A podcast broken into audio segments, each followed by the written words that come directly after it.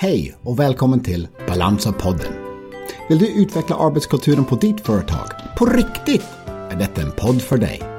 Mike Helber heter jag, tillsammans med Cecilia Nahnfeldt, forskaren bakom Balansa, Katarina Tuning och Sara Kremsel är det vi som jobbar med och utvecklar Balansa. I denna podd kommer vi prata om arbetskultur, företag, arbetsplatsen och människor på jobbet. Vi utgår från Cecilias forskning och annan forskning på området. Varmt välkomna till Balansa-podden. Hej och välkommen till Balansa-podden. Mike Hellberg heter jag tillsammans med Katarina Tuning och Cecilia Nahnfeldt här för våran podcast där vi kommer faktiskt prata om saker och ting som har hänt när vi har varit ute hos kundföretag och berätta lite om de olika upplevelser som vi har fått se och ta del av. Och idag hos Katarina, tack för att vi får vara här Katarina. Ska vi ha fikarast som vi hade ju sist hos dig? Du, du som aldrig fikat. Det, det är en pågående fika. Cecilia, du har ju forskat då i, i Balanza och har ju faktiskt varit med den som är längst i Balanzas tid. Kan inte du berätta en upplevelse som du eh, minns så väl? Om jag kan ta en från de första delarna när vi höll på att utbilda ett antal chefer för att börja prata med sina medarbetare om, om de här frågorna, om, om skärningen liksom mellan arbetsansvar och familj, hemma, fritid och sådana saker. Och vi hade rustat flera stycken av cheferna och de pratade med varandra och var ganska oroliga. De tyckte det här var inte så enkelt. Och dels så, så sa jag väl liksom någon gång när, när de hade oroat sig väldigt mycket och uttryckt det här så sa jag liksom, men vad är det för människor ni har rekryterat egentligen? Och så skrattade vi en del åt det. Men, men samtidigt så är det så här, det här är en ny fråga att komma med, att liksom våga närma sig inte det som brukar jag säga privata, men det mer personliga. Och, och, och, att känna sig för det som chef, det är jättebra att de inte bara klampar på. Men den här oron gick de iväg med lite grann. Så. Och så kom de tillbaka och då var det en av, av de här cheferna, han hade varit så lite avvaktande i, under utbildningen och sa du Cecilia, det är en sak som du inte har tänkt på och inte sagt något om. Nej, sa jag, det är det säkert, sa jag. Men, men vad tänkte du på? Jo, du har inte pratat om tröskelsamtalen. Jaha, vad menar du då? För jag var lite osäker på vad menar han nu? Jo, för när vi har haft de här samtalen och sånt där, det som, det som har hänt nu efter hemma hos mig, det är ju att de här tröskelsamtalen har ökat. Du vet när de står på tröskeln och säger Har du en minut? Då har jag fått fler. Och det var han väldigt glad för. För förtroendet hade fördjupats och ökat och det var fler som i tid vågade och hade tilltro till honom om att byta några ord. Och det tycker jag var jättefint. Och jag kan väl säga att de här var inte särskilt oroliga när de gick ut i sina arbetsgrupper efter första vändorna. Det var ganska trygga chefer. Jag satt och reflekterade kring tröskelsamtal för det har jag ju varit med om också väldigt många gånger. Och också vad gör man som chef när man sitter kanske upptagen av jättemycket annat och så har man en medarbetare som vill byta några ord eller, och står vid tröskeln. Mm. Och ibland så har man kanske inte den tiden. Och vad säger man då? Mm. Ska man lyssna halvhjärtat eller ska man säga ja, två minuter? Och då kan man ju faktiskt också säga, alltså din, det här låter ganska viktigt mm. och det förtjänar lite mer tid. Har du möjlighet att komma tillbaka om två timmar mm. så kan vi sätta oss ner och prata. För jag tror just att när någon står vid dörren och man ser mm. att det här är faktiskt någonting ganska viktigt mm. Då kan man inte bara nonchalera det och lyssna halvhjärtat två minuter Nej. och sen fortsätta utan faktiskt ta den tiden som krävs. Mm. Ja men det tror jag också och att man, man verkligen säger att du, det här, det här vill jag höra mer om men du, just nu är jag i det här, kan vi ta det? Ja. Att man är tydlig där också, för det ger också förtroende. Absolut. Tänker jag. Absolut. Och så, den erfarenheten jag har av, av chefsarbete, så, det är ju precis så. Ibland så kan man faktiskt inte släppa som chef det man står mitt uppe i. Utan man behöver liksom sätta tiden. Mm. Men man kan vara tillgänglig, men inte på en gång. Nej men precis. Så är det. Har du en favorit Katarina? Som du, en upplevelse eller händelse som har hänt? Ja, och jag, vi brukar ju alltid reflektera efter alla våra workshops. Vad hände idag? Och vad, vad blev bra? Och vad var det för samtal? Och vad satte det igång? Jag minns särskilt eh, vid ett tillfälle vi hade en extremt bred åldersspridning i vår grupp som vi hade workshop med. Jag tror det var från liksom 20 till 65 så det var absolut största spridningen man kunde ha. Det som händer det är att unga personen reflekterade efteråt och sa att det här var första gången jag fick vara med på riktigt och prata om de här frågorna. Och det handlar nog också om att vi är så vana när vi ska prata om någonting, att man ska ha en erfarenhet av det själv. Mm. Och att faktiskt göra det så som du säger och som din forskning visar, att göra det strukturerat och semi-strukturerat gör ju att alla ges möjligheter att reflektera utifrån sin referensram. Mm. Det behöver inte vara självupplevt men alla har ju syskon, alla har ja. vänner, släktingar, andra kollegor och liknande och man kan lätt sätta sig in. Mm. Så det är så viktigt att ingen blir exkluderad. Mm. Så att just det här med workshops och de här krissamtalen är ett väldigt bra sätt att få de här samtalen över generationsgränserna och alla är lika viktiga. Mm. Det, där, det där påminner mig om, om, när jag hade en grupp, när jag själv fattade hur, hur verksamt det verkligen är med de här berättelserna som man lyssnar och reflekterar kring, hur mycket det fungerar. För då hade jag jobbat med en arbetsgrupp ganska länge och det hade varit några som då hade vi inte generationsspridning lika stort men däremot utbildningsnivåerna var väldigt olika. Och, och, det låste ju en del personer och andra kände sig väldigt flödiga i sitt samtal. Och efter nästan en hel dag så, så, sitter en, så är det en av killarna som plötsligt öppnar upp och börjar prata om alla filmreferenser han hade. Och det visar sig att han har ju ett videobibliotek som var jättestort och hade sett hur mycket film som helst och hade massa erfarenhet med sig via dem. Mm. Som han kunde bidra in i samtalen. Som gjorde att det fördjupade. Och, och, det som hände var ju inte bara att han öppnade utan dessutom fick ju alla plötsligt syn på honom. Det här visste de inte om honom. För han hade varit ganska sluten och plötsligt så öppnade upp. Det är ganska häftigt att se. Det, det, här, det var den gången som jag lärde mig mest av allt kring hur, hur stark berättelsekraften är. Mm. Om jag, om jag får ta ordet och, och berätta om en situation som, som jag var med ett företag, ett litet företag vars den som är ansvarig vill ju växa och pratade med honom om att jobba med Balansa och förklarade varför vi ska göra detta och vad de ska få nytta av det hela. Efter den eh, andra gången eh, kommer han till mig och säger att nu har jag börjat fatta varför vi är här. Vi är här för att faktiskt öva på framtida bekymmer.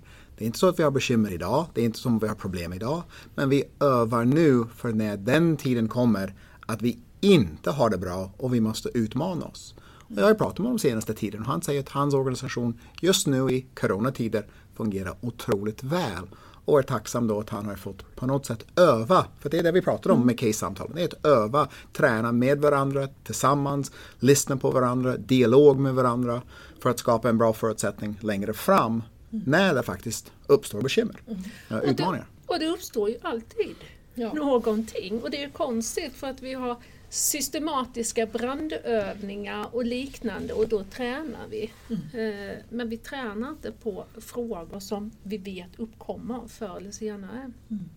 Jag har ett annat exempel, och där vi också sett att ett case, eller när vi haft case eh, en hel dag med en ledningsgrupp och det var två helt nya i ledningsgruppen. Och när de sa efteråt, oj, det här var nog den kortaste och mest effektiva introduktionen jag har fått på en ny arbetsplats. För nu känns det som att jag känner alla och jag har jobbat här ett halvår. Och det är väl också det att det blir bra samtal och alla kommer till tals.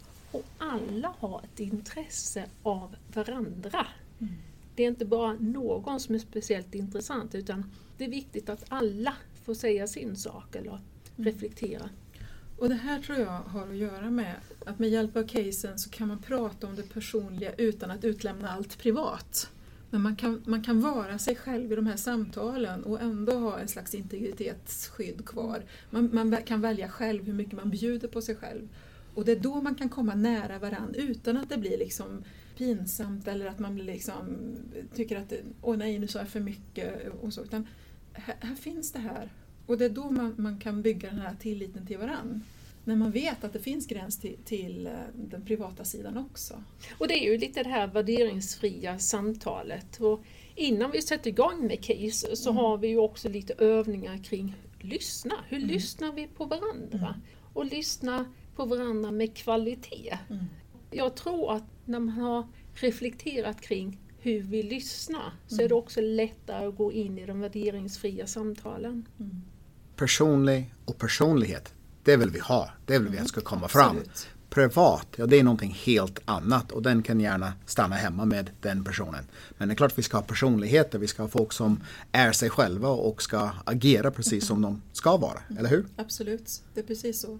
Och att det, här, det, fin, att det finns en, en... Det är inte bara det som är offentligt och privat utan det finns den här delen kring det personliga som är reflekterade erfarenheter som man kan dela med sig av och som inte liksom är sårbart i den meningen men har riktig erfarenhet med sig. Så att det, finns, det finns mer än bara det som man eh, går ut med och det som man håller inne med. Det finns, fler, det finns liksom en mellanzon där i det personliga som är, som är kanske själva värdet man har i alla sociala relationer egentligen. Sen är det viktigt att komma ihåg att det handlar ju inte bara om att träna utifrån det som kan hända oss i det övriga livet. Utan det är lika mycket att träna. och ha- Vi har ju jättemånga case om vad är det som händer när det är rent arbetsrelaterat. Mm, verkligen. Det är inte bara det övriga livet. Absolut. Och jag tänker, de, eh, några av de som har jobbat länge med det under en längre period, där har ju en av deras ansvariga sagt att ja, men en av de roliga effekterna i det här, det är ju att jag har två chefer som har vuxit så mycket i självförtroende. Ja, de är två decimeter längre, sa han. Cheferna blir ganska trygga, de kan leda, de kan ta eh, svåra beslut och, och de kan eh, även ta ganska tuffa beslut. Och de kan också stå vid medarbetarens sida på lite olika sätt. Men Cecilia, du brukar prata om att det här är ett ledningsverktyg. Mm. Men jag känner ju också att genom att ha de här KIS-samtalen så pratar vi också om vad har vi för medarbetaransvar. Att, alltså någonstans när jag signar ett anställningskontrakt så har jag också förbundit mig att agera och bete mig på ett visst sätt. Visst, chefen har ett jättestort ansvar men jag har faktiskt också ett jättestort ansvar som kollega, medarbetare gentemot andra på arbetsplatsen och agera och lyssna och finnas till hands. Så det är ju inte bara chefen. Nej, det är det inte. Jag tänker att medarbetaren har ju en slags skyldighet att vara med i den här typen av samtal. Och man måste inte mer än det.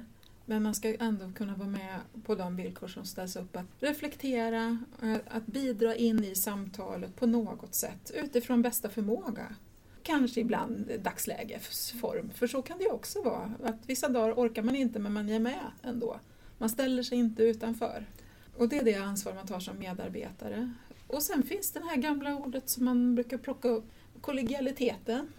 Eh, man är en i gänget, man tar en för laget. Alltså det finns olika uttryck för det här. Så, nej, men det här är ju ett sätt också att tillsammans dela på varandras erfarenhetskapital som finns i en arbetsgrupp. Och att vara generös med det. Många av oss som jobbar eh, har ju lärt oss våra jobb från början genom att man har gått med en äldre kollega i olika stycken. Ja, det här är också en sån variant. Att man går tillsammans. Och jag tänker på det här, ibland så pratar man att vi har så högt eh, tak. Jag säger man så? Man har högt i taket. Högt i tak. Och vi kan prata om allt vi har jätteroligt på jobbet. Och så börjar man liksom peta lite det här. Ja, allting är kanske inte riktigt tillåtet. Mm. Och man ser också att det är olika grupperingar och det blir lite gnissel och lite grus. Mm. Och det är väl lite det här gruset som man vill få bort genom att få de där samtalen. Mm. Uh, oberoende vad det är för fråga. Mm. Och sen så är det också att få bort de här ryktesspridningar, spekulationer. Mm. Det blir också hur kommunicerar vi Mm. med varandra, till varandra. Vad har chefen för ansvar att kommunicera om någonting händer och liknande.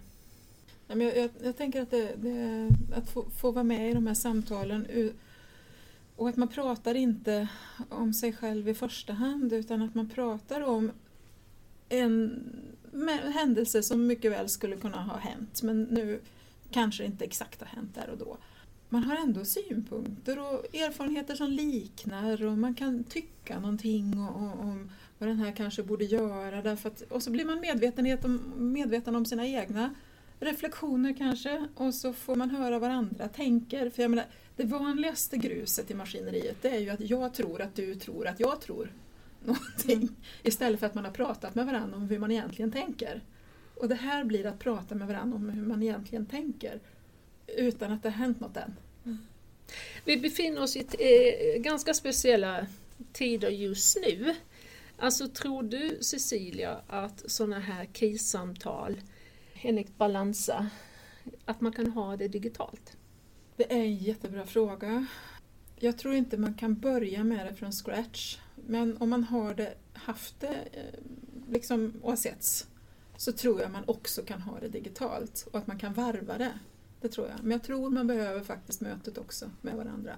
Därför det är ju så mycket vi kommunicerar med hela vår kropp. Har man inte påbörjat det här, det här sättet att prata utan att ha setts en första gång så, då, ja det ska mycket till liksom, att göra det också över skärmen.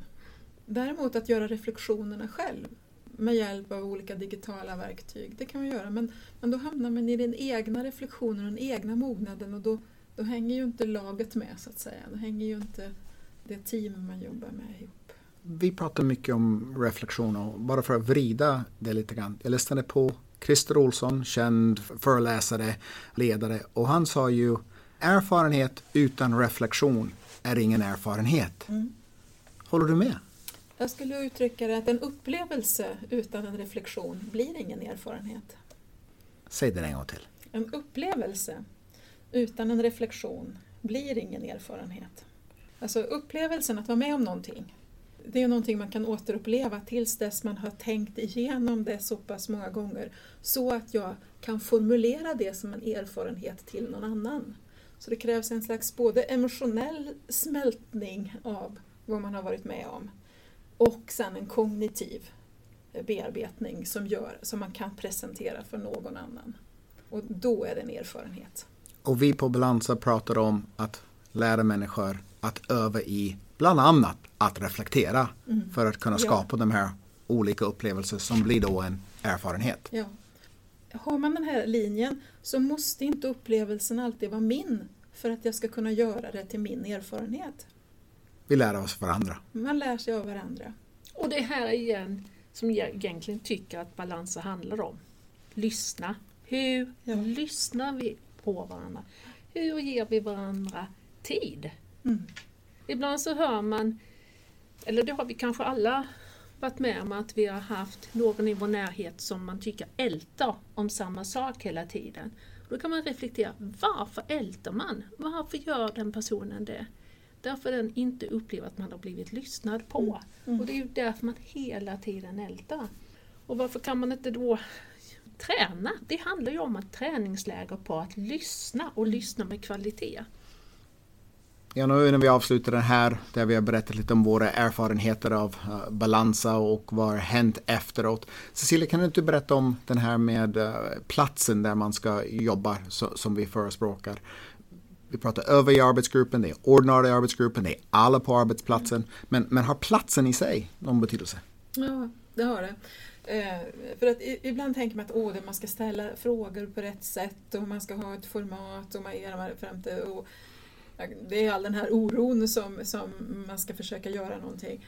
Men det var en, en sak som var jätteviktig och vi hade haft eh, från en, en verkstadsindustri så hade vi haft eh, såna här konferenslokaler, vi hade haft en, en dragning med, med flera av de som jobbade på, inom fabriken och det hade funkat okej okay, tyckte jag. Det var väl liksom saker man hade tänkt att nej, men det skulle kunna funka bättre och sådär men sen så hade vi ett uppföljande möte och då var vi just i ordinarie lokalerna där man brukar fika och man satte sig ner och folk kom i sina eh, verkstadskläder och, sådär och satte sig ner och plötsligt var samtalet ett helt annat än det vi hade haft i konferenslokalerna. Och det var där någonstans som jag tänkte, jaha, ja, det är ju naturligtvis så nära det ordinarie arbetet som möjligt man ska vara för att få det vanligast möjliga samtalet igång trots att man iscensätter det.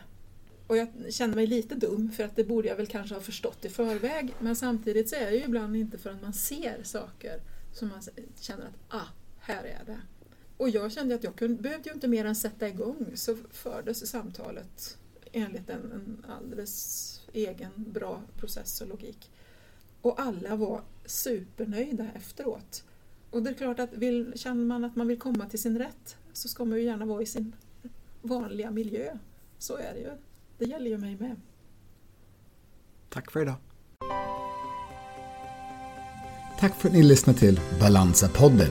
Vill ni komma i kontakt med oss finns vår information på balansa.se. Tills nästa gång, hej då!